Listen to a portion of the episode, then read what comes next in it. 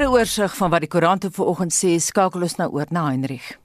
Aneta Môre, die hoofopskrifte op die voorblaaie van die Burger en Beeld, as ook Volksblad se aanlyn uitgawe basyn die boodskap uit dat die vingers nou na MK, dis die voormalige militêre vleuel van die ANC wys, as aandadig of dalk selfs die aanstigters van die geweld en plundering wat dele van KwaZulu-Natal en Gauteng die afgelope week in chaos en vernietiging gelaat het. Dis tot na aanleiding van 'n uitspraak deur die adjunkminister van staatsveiligheid, Zizi Kodwa, dat inligting van die staatsveiligheidsagentskap daarop dui dat oud MK's by die geweldpleging betrokke kan wees.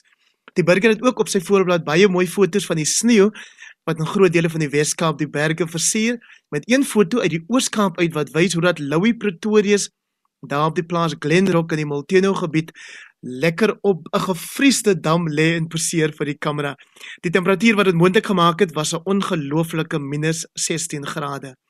In hierdie week se uitgawe van vryeweekblad.com skryf die politieke ontleder Dr Piet Kroukamp dat dit die week dat die week se plundering nie noodwendig gedryf word deur die RET of Radical Economic Transformation staatskapers nie, maar deur die informele mark wat sigself inwurm skryf hy waar staatsgesag kwyn. En dan in Landbou Weekblad se nuutste uitgawe wat nou op die rakke is, word onder meer gekyk na COVID-inentings vir landbouwerkers en uh, daar word ook berig oor desperate boere in die Klein Karoo wat vra dat die streek tot droogte rampgebied verklaar moet word. News 24 se hoofopskrif op sy voor um, of sy tuisblad vanoggend uh, berig oor die polisie wat nou konvoë met kos en brandstof onderweg na KwaZulu-Natal sal beskerm. Dit dan 'n oorsig oor wat op die koerante se voorblaaie en op nuuswebwerwe aangaan. Die agentskap New World Immigration in Kaapstad het die afgelope 5 dae 'n 1500% toename in navrae en aansoeke om te immigreer ontvang. Suid-Afrikaners met vaardighede is hulle voel nie meer veilig nie weens die onluste wat in dele van Suid-Afrika plaasvind. Baie het dus met die proses van immigrasie begin in 'n desperate poging om die land te verlaat. Die agentskap sê hulle het nog nooit soveel aansoeke gekry nie. Nou ons wonder ver oggend hoe voel ons luisteraars daaroor. Wil jy emigreer en waarheen sou jy gaan as jy dit wil doen? Het jy reeds die proses begin? Vertel vir ons. Miskien het jy reeds familielede wat in dele van Europa, as ek weet Portugal is 'n gewilde bestemming. En as jy verkies om in die land te bly, hoekom? Stuur vir ons 'n SMS na 45889, dit kos R1.50 of gaan na facebook.com vorentoe skynstreep ZARSG of WhatsApp vir ons stemnota na 076 536 6961 076 536 6961 61. En ons bly by die storie. Suid-Afrikaners met vaardighede sê hulle voel nie meer veilig nie weens die onluste wat in KwaZulu en en Gauteng plaasvind. Baie het dus met die proses van immigrasie begin in 'n desperate poging om die land te verlaat. Die agentskap sê hulle het nog nooit so baie aansoeke gekry nie.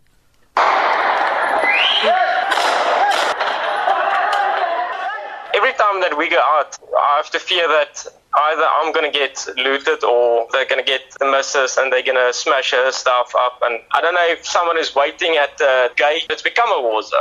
I literally have worked 11 years. Blood, sweat, and tears were put into my practice. And that is literally gone now. That's why I'm upset. I, I used to love my country. I would do anything for my country. And there is no other option for me to actually leave now. It's the fear of being in my own house and feeling unsafe. What will I do if they come into my house? I don't have a weapon. I don't have a security company on call. You're mm. just literally at the mercy of these thugs. These are criminals that are being allowed to get away with this. And I think that's what people are also getting hurtful of. Why are people allowed looting at 1 o'clock in the morning? Die Kaapstadse New Immigration het die afgelope week 'n kommerwekkende toename in navrae en aansoeke om immigrasie gesien. Die direkteur van die maatskappy, Robert Ragles, sê daar is baie aansoeke uit Gauteng en KwaZulu-Natal, die provinsies wat deur geweld getuister word. Ragles sê sy span is oorweldig deur die emosionele oproepe van Suid-Afrikaners wat desperaat is om ergens heen te gaan. We've arguably never seen uh, reaction to any political events or economic events as what we've seen now with the civil unrest, just being inundated, probably a one and a half thousand percent increase in the, the number of inquiries, not just the number, but the tone of people that are calling in, there's definitely an urgency, there's definitely a, a fear uh, of what's going to transpire in the country. And people are, perhaps that were on the fence, are now actually committing to starting their immigration process. 85% van diegene wat met die immigrasieproses begin het, is jong professionele persone wat sê dat hulle nie hul kinders in 'n onveilige omgewing wil grootmaak nie.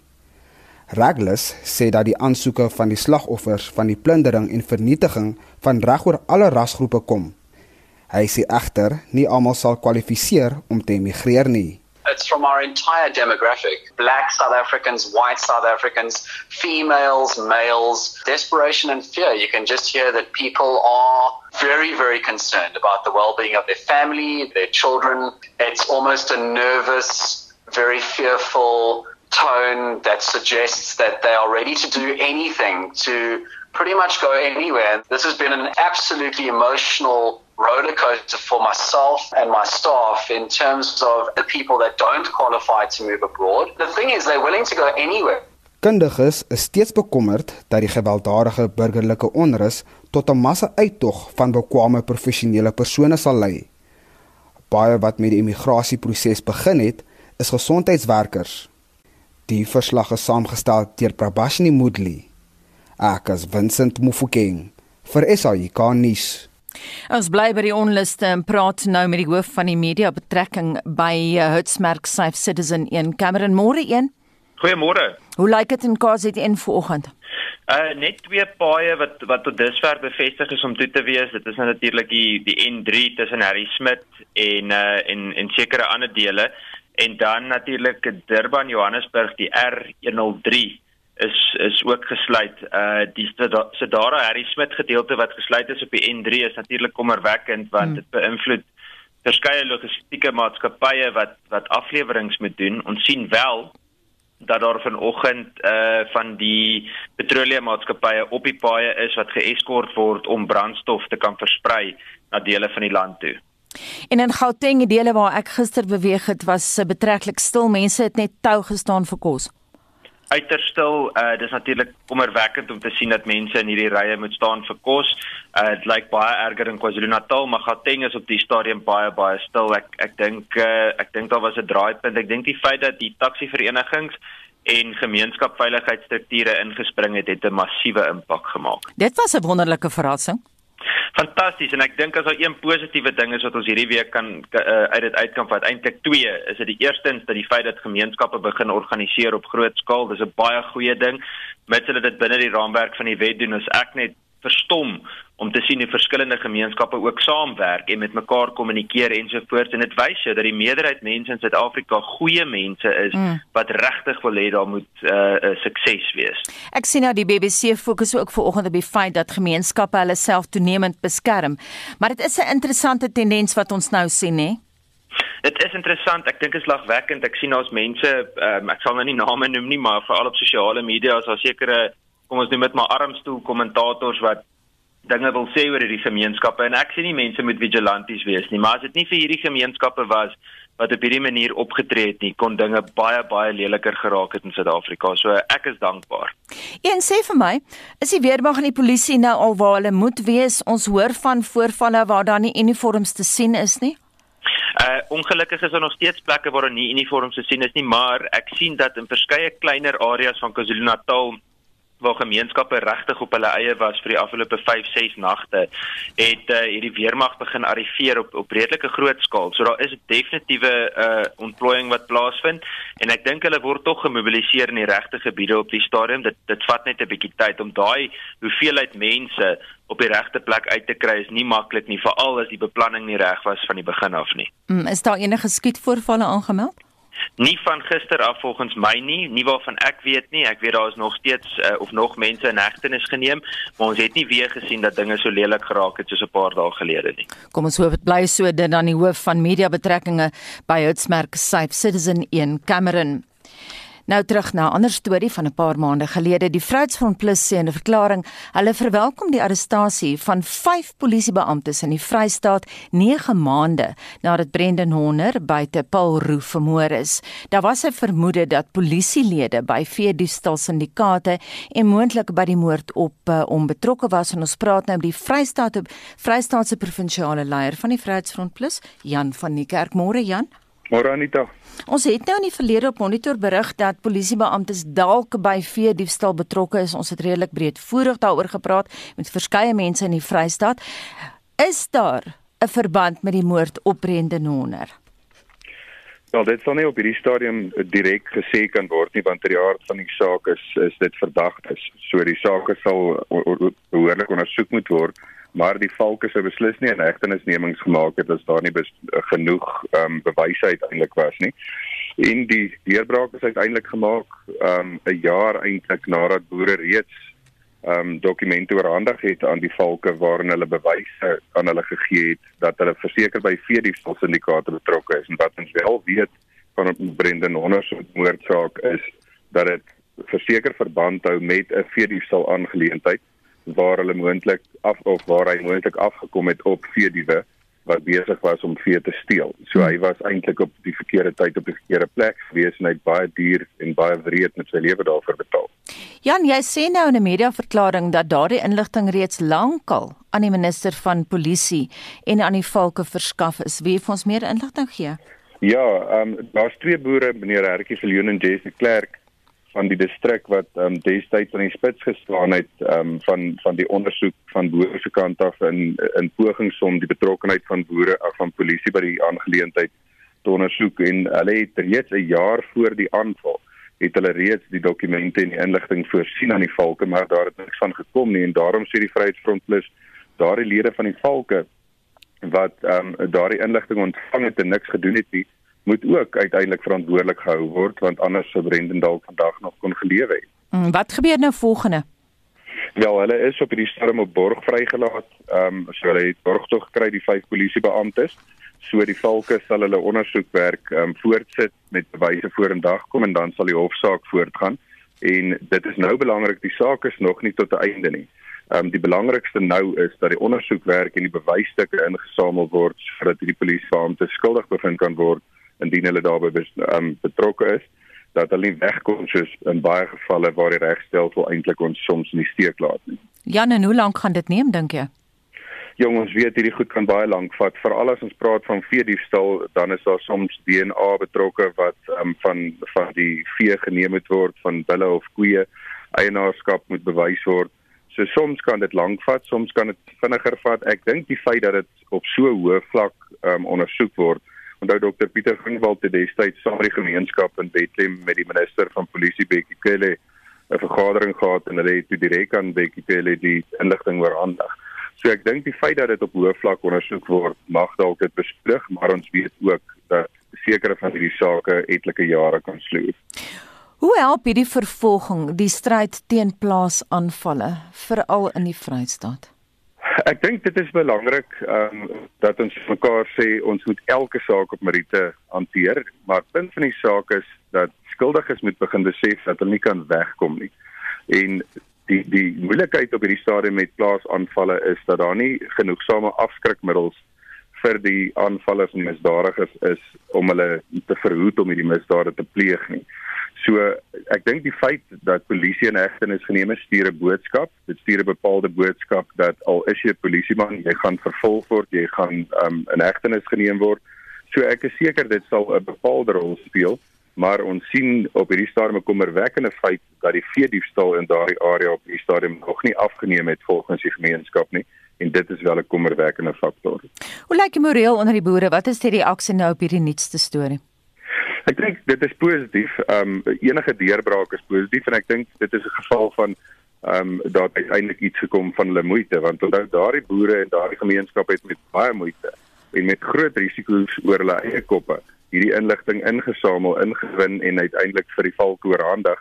So dit is 'n risiko wat boere uiteindelik geloop het en die feit dat die reg uiteindelik sy gang gaan is uit, uit die aard van die saak ehm um, bemoedigend vir die boere, vir die gemeenskap maar die saak is nie afgehandel nie. So kom ons kyk wat gebeur as die mense uiteindelik bevind word, is ek seker sal die boere verseker verheug wees. En so sê die Vrystaatse provinsiale leier van die Vryheidsfront Plus, Jan van die Kerk. Die vakbond Solidariteit en die burgerregte organisasie AfriForum het hulle lede vroeër die week aangemoedig om kalm te bly en by hulle plaaslike buurtwagte aan te sluit. En ons praat nou met die uitvoerende hoof by AfriForum, Callie Kriel. Môre Callie. Uh, Goeiemôre Anita. Ons weet julle is nou al lank besig met 'n veldtog oor die buurtwagte en so aan. En uh, tot dusver as ek my syfers korrek het, kyk ons na 159. Vertel ons 'n bietjie meer, wat is die situasie in terme van buurtwagte in Suid-Afrika? Nie net in KwaZulu-Natal en Gauteng nie. Wel Anita, intussen het daai syfer tot op 160 aangegroei. Ehm um, daar is werklik dis eintlik wonderlik om te kan sien en dis wat mens uh, moed gee en hoop gee en 'n bepaalde kalmte te gee. Mens onderspeel nie die situasie nie, dis natuurlik ernstig en maar ons weet gelukkig dis gesentreer op sekere net sekere gebiede en is 'n minderheid van mense wat by hierdie boerdery betrokke was. Maar dit is werklik wonderlik om landwyd te sien hoeveel buurtwagte daar is benewens die die 160 buurtwagte wat Afriforum het Um, ons hou gereeld uh, massa patrollies en dan is daar meer as 100 ander buurtwagte wat ook saamwerk. Mm. Uh, so daar's werklik 'n goeie netwerk van buurtwagte en ek dit dink dit is ook iets wat mens kalm te kan gee want ons het nou gesien dat die polisie het dood eenvoudig nie die die mannekrag om oral te wees nie en daarom is dit belangrik dat gemeenskappe besef hulle veiligheid is ook in hulle eie hande maar dat mens binne die raamwerk van die wet dan doen wat mens kan om jou eie gemeenskap te beveilig. Mhm. Mm ek ja. Ek sien skiskalie ek het 'n paar vrae waar ek wil by uitkom. Ja. Ek sien nou byvoorbeeld op vereniging het van hierdie buurtwagte hande gevat met die taxi organisasies. Dis 'n interessante huwelik vir Suid-Afrika, né, hoe mense nou saamwerk wat jy nie noodwendig voormalig saam sou sien nie. Ja, ek dink dit gee mens baie hoop. Um, ons sit al in die verlede het ons al in plekke soos Elliot met taxi verenigings saamgewerk, maar ek dink wat hier nou gebeur is hier 'n gemeenskaplike opponent want ek dink almal besef almal word benadeel. Jy weet as jy gaan kyk na die taxi bedryf, ehm um, as mense as winkels gesluit is, gaan hulle nie werknemers kan vervoer nie. So ek dink daar's 'n 'n baie wye besef dat ons nou hier 'n gemeenskaplike opponent het dat daai opponente minderheid is en dat ons moet saamwerk om om hulle te neutraliseer. Wat net baie belangrik is is vir mense is jy weet die dit kan 'n kruitvat wees as mense nou vigilante optrede het. En dit is juist ook hoekom ons uh, uh, buurtwagte bevorder.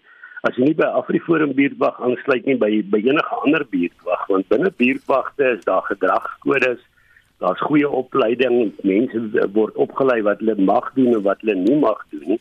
En ek daar's genoeg ruimte binne die wet dat mens baie sterk kan optree om jou woonbuurte uh, te beskerm. En ons het oor die afgelope paar jaar al gesien dat waar daar sterk buurtwagte is, um, neem die misdaadkoers dramaties af. Mm Kali, jy praat nou van goeie ja. opleiding. Maar is ook belangrik hier om te praat van die buurtwagte wat goeie infrastruktuur het. Daar is 'n radionetwerk, daar is hommeltuie. Ja, ons is baie dankbaar. Ons het uh, ons het 'n netwerk van beheerkamers uh, landwyd. Maar dan het ons 'n radionetwerk so dat ons landwyd kan kommunikeer en al hierdie buurtwagte met mekaar um, in kontak hou. Die wonderlike is dat ons op hierdie stadium 12500 vrywilligers het, mense wat in hulle eie tyd 'n rol speel, maar die ligvleuel wat jy genoem het, die hommeltuie het intussen ook opgestyg na die die vlieëniers wat ons het, is 61. Ehm um, maar wat hier baie gebeur is dat ehm um, jy weet mense praat baie keer oor die polisie en dit is so mense word ontstel oor die polisie. Maar op plaaslike vlak is daar wel baie polisiestasies wat bitter graag met die gemeenskappe saamwerk. En veral wat die hommeltuie betref, ehm um, is ons omtrent op 'n op 'n daaglikse basis sonder om te oordryf uh, waar, waar ons versoek word deur die polisie om ons hommeltuie in te span. Hmm. Want want dit is 'n baie handige instrument. Um, mens moet tegnologie ook aanwend en verskeie plaasaanvallers en ander boewe is al is al vasgetrek omdat ons hommeltuie het met nagsig toerusting en so meer om hierdie om hierdie mense um, op te spoor. Maar die belangrikste is Ehm um, elke mens kan 'n rol speel. Jy weet, as mens aan 'n buurtwag dink, dink mense baie keer jy moet nou uh een of ander fiksheid fanatikus wees. Natuurlik het mens daardie operasionele mense nodig, maar daar's ook ondersteuningsdienste wat nodig is. So dit maak eintlik nie saak wat se ouderdom jy is nie. Um, ons wil graag mense betrek en mm. ek sê dit gaan nie hier oor Afriforum nie. Sluit dan aan by 'n ander buurtwag mm. wat daar een in die omgewing is. Maar ons vra dat mense in die inligting is op ons webwerf beskikbaar. Kali Lasens en kortliks asseblief, julle wil nou sien dat KZN tot 'n rampgebied verklaar word. Verklaar word. Ja, wat wat ons gesien het, die, alhoewel die onluste nou grootliks afgeneem het, is daar geweldige baie nagevolge. Ons het gister van Afriforum se kant af met 'n noodvergadering met die Solidariteit Help in hand gehad. En ons werklik uh, eh, aftreeoorde wat se kos nou binne 'n dag of twee gaan opwees. Ehm um, so daar is geweldige bystand nodig as gaan voedseltekorte wees en uh, ons wil hê daardie soort van bystand moet aan mense gelewer word want uh, die voedseltekorte gaan nie binne 'n week opgelos word nie. Die voedselketting is gebreek in die in in KwaZulu-Natal, die koue ketting is gebreek. Uh winkels is is nie net geplunder nie, maar ook afgebreek. So daar gaan 'n lang opbouproses wees en ons sien in die volgende paar weke dat daar dat daar 'n tekort aan kos gaan wees en daar is nou spesiale maatreëls nodig om om daaroor in te gryp. Baie dankie en daai pleidooi kom van die uitvoerende hoof van Afriforum, Kali Kriel. Heinrich, hoe lyk jou terugvoer? Aneta se ons wil by luisteraars vanoggend weet of hulle dit oorweeg om te emigreer dit nou na aanleiding van 'n maatskappy in Kaapstad wat sê hulle het die afgelope 5 dae 'n allemintige 1500% toename in navraag en aansoeke gekry vir immigrasie en dit van alle rasse. Annelie van der Merwe sê ek wil persentasiepunt 1501 wees deur van Johannesburg na George te immigreer. Dit is nog steeds my land sê en ek is trots daarop. Amanda Moster sê ek sal in 'n oogwink gaan my land vir wie ek so lief is voel nie meer soos my land nie. En dan Sonja Kreer wat sê ek het reeds met die immigrasieproses begin. Dit vat baie lank, maar danksy my oupa kan ons Cyprus landskap kry of burgerskap kry, bedoel sy seker ek wil net hier weg. Ek het geen toekomsverwagting in die land meer nie. Jolandi Wagner El sê ek wil Australië toe om verpleging daar te gaan doen want soos wat sy dit stel, ek kan weens equity nie werk kry in Suid-Afrika nie en uh, sy vra ook dat mense haar moet help met inligting oor presies hoe sy te werk moet gaan. So ons Stewart sê ek het geëmigreer, dis die beste keuse wat ek in my lewe gemaak het. Ek betaal meer belasting, maar dis elke sent werd omdat die infrastruktuur pyk is. Ek sluit nie my huis of my kar nie. Ons huis het nie heininge nie. Ons kinders van so 7, 8 jaar loop skool toe en ek moet sê, die wat nog nie geëmigreer het nie, wil nie. Hulle is te gemaklik in Suid-Afrika en te bang vir verandering. Maar Lorraine van der Merwe sê nee. Sy gaan nêrens nie. Kyk hoe spoel Duitsland en België weg en in ander lande van die tifone en siklone en modderstortings. Ek bly net hier waar ek is want dit is wat ek ken en my land is Suid-Afrika. Laaste een van Natasha Bason. Ek bly net hier. Ek is gebore in Suid-Afrika. Ek is grootgemaak in Suid-Afrika. So die girlle gaan nêrens nie. 45889, dis ons SMS nommer. Dit kos jou R1.50 elk of jy praat saam op die Monitor en Spectrum op RSG Facebookblad. Terug na ons hoofnuus, die dodetal weens die voortsleepende geweld in KZN en Gauteng staan nou op 117.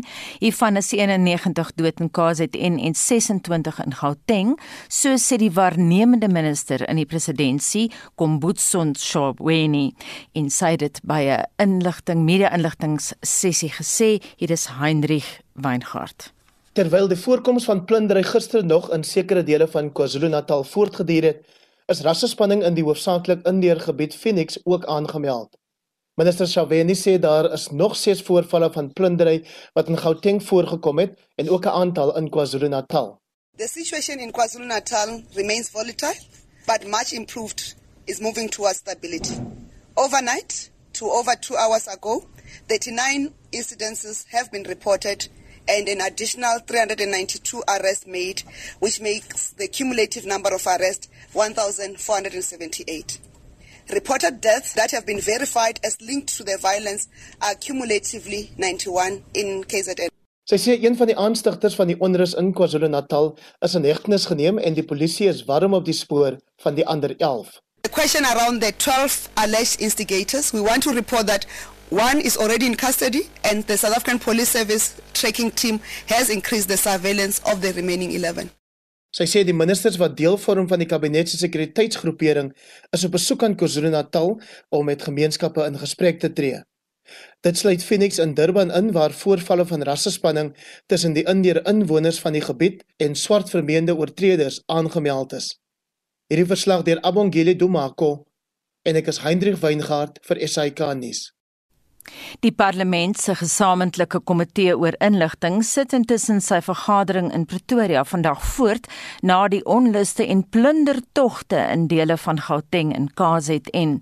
Die vergadering vind egter agter geslote deure plaas en die regering is reeds wyd gekritiseer dat sy inligtingdienste ontkant betrap is met die verwikkelinge in Gauteng en KZN. Zelin Merrington het meer 'n erkenning deur die minister van verdediging Nosiviwe Mapisa Nqakula dat die regering aan die slaap was. There was intelligence, I think, but I think the intelligence came in too late in that chair and honorable members when it started you read from social media networks about what the next thing which was going to happen where we did not get the information was the fact that people were going to go into the malls and loot and do all of the things which happened at the malls. We did not have that information, at least on our side. And from what I am getting, even the police did not have that information.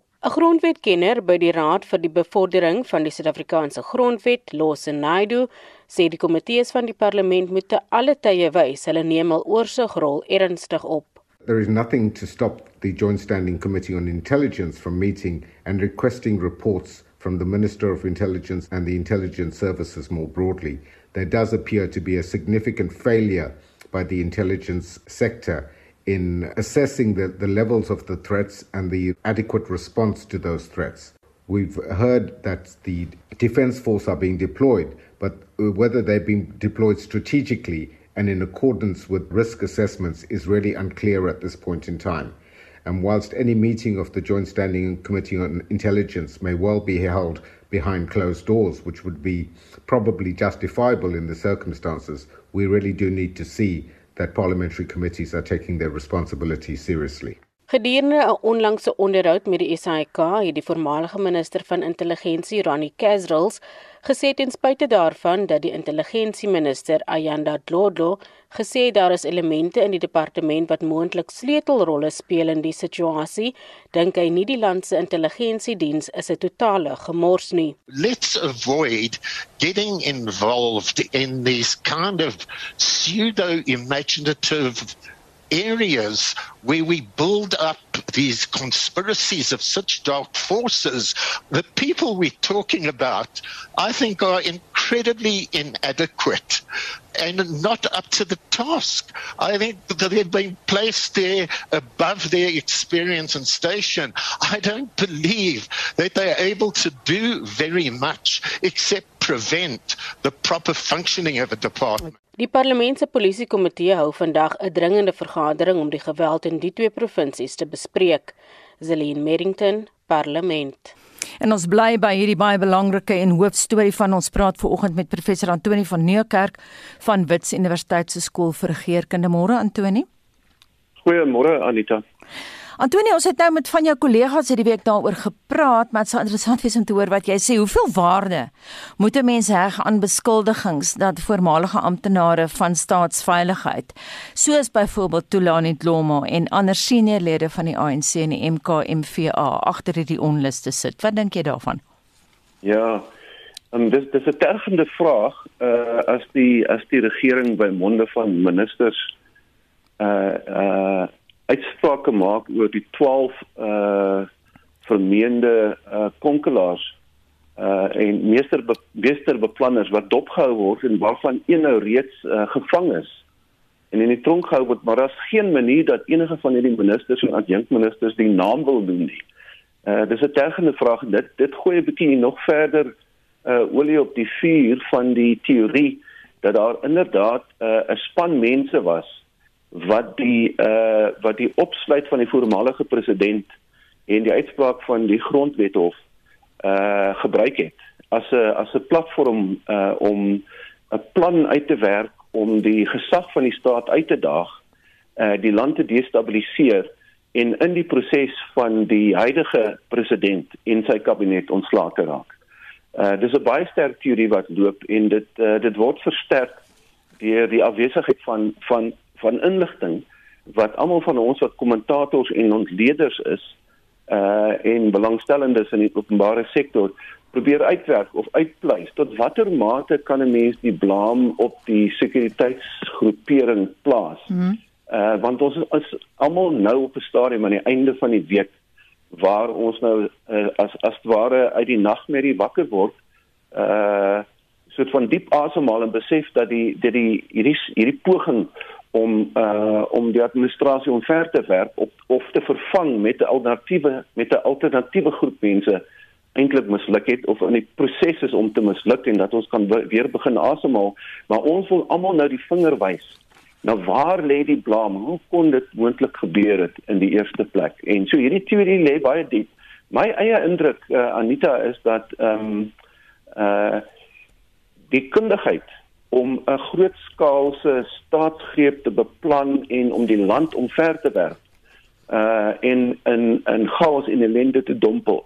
Ehm um, baie kundigheid veg en dit lê nie op die vlak van die uh groep 12 mense, 15 mense, 'n klein groepie mense wat ehm um, uitgevang is in die Zondo-kommissie uh wat deel was van die staatskaping brigade op Bende nie. Mm. Uh, wat ek wel dink Anita uh, en dit is nie moeilik om uit te werk nie is die uh, en daaroor is ek en 'n klomp ander mense dalk 'n bietjie kwaad en selfs uh, ons luisteraars ook. Hoekom is dit dat die polisie uh, toegelaat is en die en die en die die verdedigingsstelsel tot 'n mindere mate, maar veral die polisie en polisieering en die leierskap van die polisie en intelligensiedienste toegelaat is om so te verswak oor die afgelope paar jaar mm. dat hulle nie vir die besluitnemers korrek kon inlig oor wat gebeur het nie. Jy staan tog verstom. Jou mond val oop as jy hoor hoe ministers sê ons het nie geweet nie, ons het nie besef nie, ons kon nie sien dit die volgende goed sou gebeur nie. En dit laat 'n wrang smaak in die mond want dit is 'n afwesigheid van leierskap en dit laat mense ook bekommerd wees alhoewel ek moet sê die die die gevoel nou in die, hier teen Vrydag is dat ons kan weer begin asemhaal, moet ons ook besef dat daar 'n uh, baie dringende nagevolge is mm. van hierdie krisis waardeur ons gegaan het. Uh, en party mense het reeds op die radio vanoggend daar gepraat. Uh, ek dink spesifiek aan aan die sekuriteit van kos, mediese voorrade, uh die dreigende, jy weet, rasse spanning wat nog ontlont moet word waarvan Phoenix 'n voorbeeld is. Hierdie goed moet nog steeds bestuur word. En dan wil ek vinnig bysê die laaste ding Anita waaroor ons uh, ook sal moet verder uh, diep baie diep dink is ehm um, die ekonomiese herstelfase wat voorlê.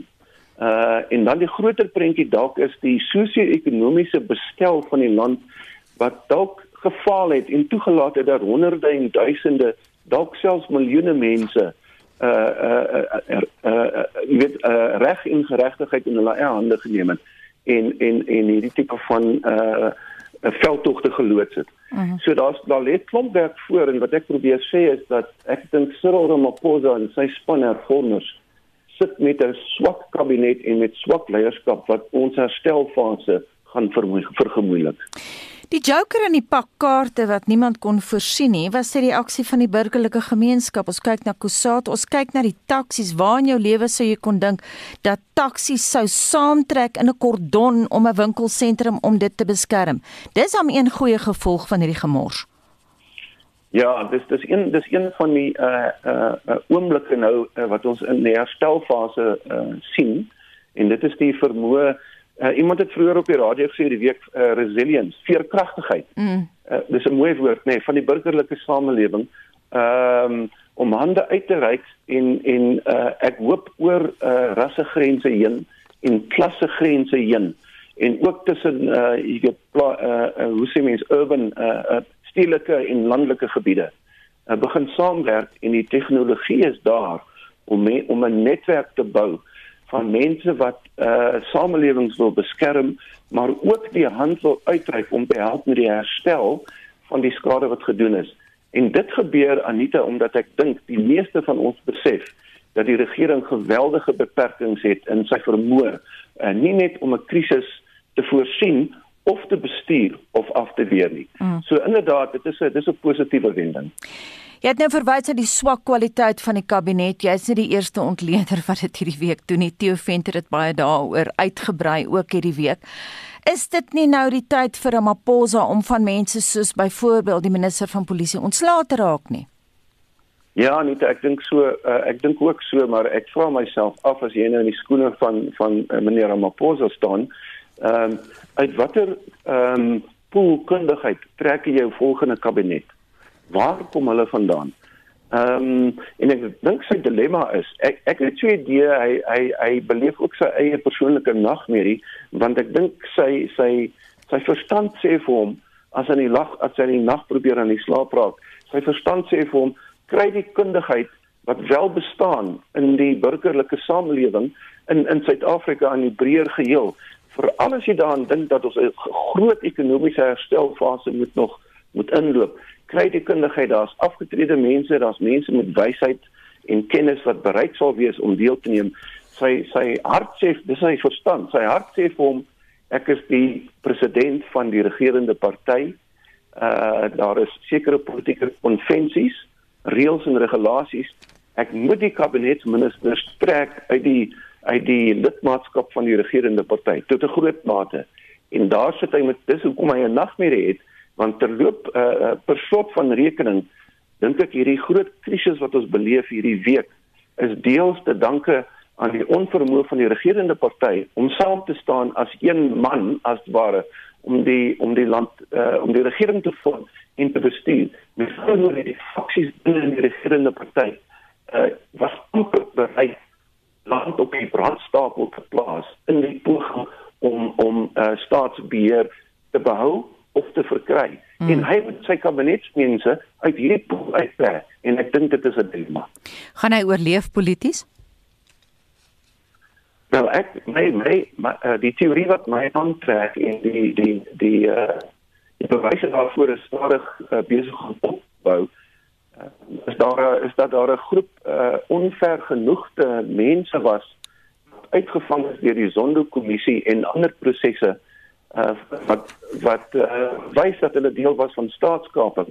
En toe die toe hulle simboliese leier uh, Jacob Zuma nou in tronk toe gestuur word het hulle besluit dat hulle hierdie is 'n bedreiging vir hulle voortbestaan en hulle ekonomiese voortbestaan en dat die man wat eintlik die probleem is die slang in die gras is inderdaad Cyril Ramaphosa mm. en dat hy op 'n manier verwyder moet word en dit is om hulle dan van hierdie uh, uh baie skok taktik gebruik gemaak om hom by te kom ek dink hy hy hy gaan sukkel om aan, aan bewind te bly in die sin dat sy regerende party ek dink fataal ek het dit vroeër gesê met JP Landman se gesprek so 'n week of twee terug dat die ANC dalk fataal gewond is en en nie in staat gaan wees om hierdie prosesse te oorleef nie en daarmee saam Cyril Ramaphosa uh, hy sal wel oorleef Anita dink ek as hy die regte groepering van mense moet hom kan saamvat met ander woorde 'n 'n 'n kabinetskommeling en die aanwys van bevoegde kabinetsministers en dan mense in die staatsdiens wat kan saamwerk as een span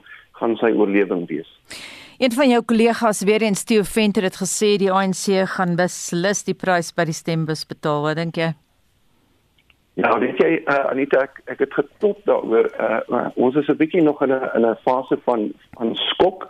Ehm um, in trauma en dit is moeilik om dit hier te dink. Uh, dis moeilik om jouself voor te stel dat die die normale proses van politieke besluitneming en die aanwys van verteenwoordigers plaaslike vlak normaal gaan verloop en dat daar 'n verkiesingsperiode gaan wees waar mense weet plakate gaan opsit en dan eh, uh, toesprake hou en vergaderings reël waar mense gaan praat oor weet my span gaan beter kan dienste lewer as jou span want ek moet vir jou sê die politieke terrein het heeltemal verskuif ons het 'n politieke aardbewing beleef en dit kan nie wees dat normale uh uh uh verkiesingspolitiek uh, uh bestuur gaan word in die komende weke nie. Hierdie verkiesing lê om die draai en dit kan dalk wees dat uh dat enige politieke party of die meeste van die politieke partye gaan sukkel om om te normaliseer. Uh dit kan wees dat dat die krisis uitgebuit gaan word in baie emosionele taal deur politieke partye, maar ek moet vir jou sê uh, Anita, ek dink die burgers van die land uh, is seker en sat daarvoor om om emosionele politieke taal aan te hoor. Dit kan ook wees, ek maak 'n baie moeilike voorspelling nou. Dit kan wees dat ons wel 'n uh, plaaslike verkiesings verkiesings gaan hê op 'n baie uh, minder dramatiese wyse. Uh met uh, dit gaan minder aantreklik wees. Minder mense gaan actually stem die die stemgedrag gaan maar dieselfde wees as, as van tevore, maar ek dink die voorspelling wat party mense maak van koalisies in baie gebiede sal dalk bewaarheid word. Want as as die die momentum waarvan ons vanoggend praat, dat lede van die burgerlike samelewing bereid is om saam te werk om gemeenskappe te beskerm. As dit 'n langdurige proses is wat gaan uh, um, wortels groei, dan kan dit ook hierdie plaaslike verkiesings beïnvloed dan gaan mense stem vir kundige verteenwoordigers wat weet hoe om dienste beter te lewer en die die allure, die aantrekking van 'n regerende party of 'n sterk oppositieparty mag dalk 'n bietjie op die agtergrond skuif. Baie dankie ons sal kyk of jou voorspelling waar word en so sê professor Antoni van Nieuwkerk van Wits Universiteit se skool vir regeringskunde. President Cyril Ramaphosa het hom maandag aand op net uitgespreek teen etniese mobilisering wat glo kop uitsteek te midde van die betogings vir die vrylating van Jacob Zuma. Professor Amanda Gous van die Universiteit Stellenbosch skryf in 'n rubriek dat die patriargale houding in Zuma se optrede te bespeer is en dat dit baie kommerwekkend is. Sy het haar mening met Heinrich Weingart gedeel. Gou skryf dat Zuma se vonnisoplegging van 15 maande presies 15 jaar te laat kom vir Kwesi, die jong vrou wat hom destyds van verkrachting aangekla het, 'n klag waarop hy in 2006 vrygespreek is. Ek verwys na Kwesi omdat dit gaan vir my oor die minagting wat Zuma het vir vroue. Uh dit strek al vanaf sy verkrachtingsstaak. Die vroue regter, Sisi Kampepe wat hom 'n vonnisoplegging van 15 maande gegee het noem my emosioneel en kwaad en verwys op daardie manier na haar uitspraak. Die vroue majoor-generaal wat hom in 'n 9 ure sessie omgepraat het om homself te oorhandig by die Escort polisiestasie, het met hom gepraat soos 'n dogter wat met haar pa praat. Met ander woorde in 'n tradisionele manier waarin sy respek aan hom bewys. En dit is die tipe vroue gedrag wat hy kan hanteer, die vrou wat haar plek ken en dit ondermyn die gesag van instellings soos byvoorbeeld die grondwetlike hof. Sy sê dit verbaas haar nie dat Zuma hom in die aanloop tot sy negtenisname tot tradisionele Zulu magsvertoon gewend het nie. Die vuure van etniese nasionalisme moet geblus word. Dit is egter 'n baie gevaarlike ding om te doen en ons sien nou die nagevolge daarvan. Die feit dat die land brand is en daarmee sê ek nie dit is alles net etniese mobilisasie nie, maar allerlei kriminele elemente het hulle nou self aangehak aan hierdie mobilisasie en dit is die prys wat ons moet betaal vir die mobilisasie is die baie ernstige ondermyning van ons demokrasie. Sy sê Zuma se eie optrede tot nou en ook deur sy hofaksies nou dat hy opgesluit is, is steeds daarop gemik om hom as die slagoffer uit te beeld. Patriargie bly ook nie agter in sy doen en late nie. Wat dit beteken is dat hy gedra homself soos 'n tradisionele leier wat in hierdie patriargale omstandighede die slagoffer geword het van alles en almal. En ons moet dus nie verbaas wees dat hy omwend na etniese mobilisasie van die Zulus nie. Dit is sy magsbasis en hy het dit reeds begin doen toe hy op pad was na die presidentskap na sy verkrachtingssaak. Dit was Amanda Gous, 'n professor in politieke wetenskap aan die Universiteit Stellenbosch.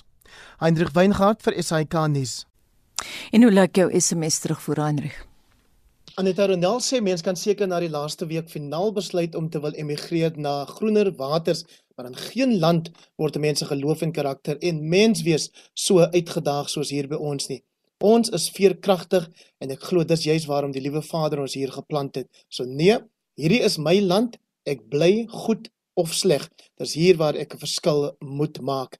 En dan sê Salty Thompson, as die weermag in vredestyd so sukkel om te ontplooi, hoe gaan die stomme goedjies ons in oorlogtyd kan beskerm? Goeiemôre, ek is Heila van Durban. Die howe moet spoed optel en die mense gevonders kry. Hou op met verskonings maak. En dan 'n laaste een van Chris wat sê ek het al gaan kyk na Panama of wou gaan kyk het, maar dit sou my 120 tot 150 000 rand uit die sak jag net om te gaan kyk. So nee wat, Ek bly maar hier, ek sal maar my man staan in Suid-Afrika.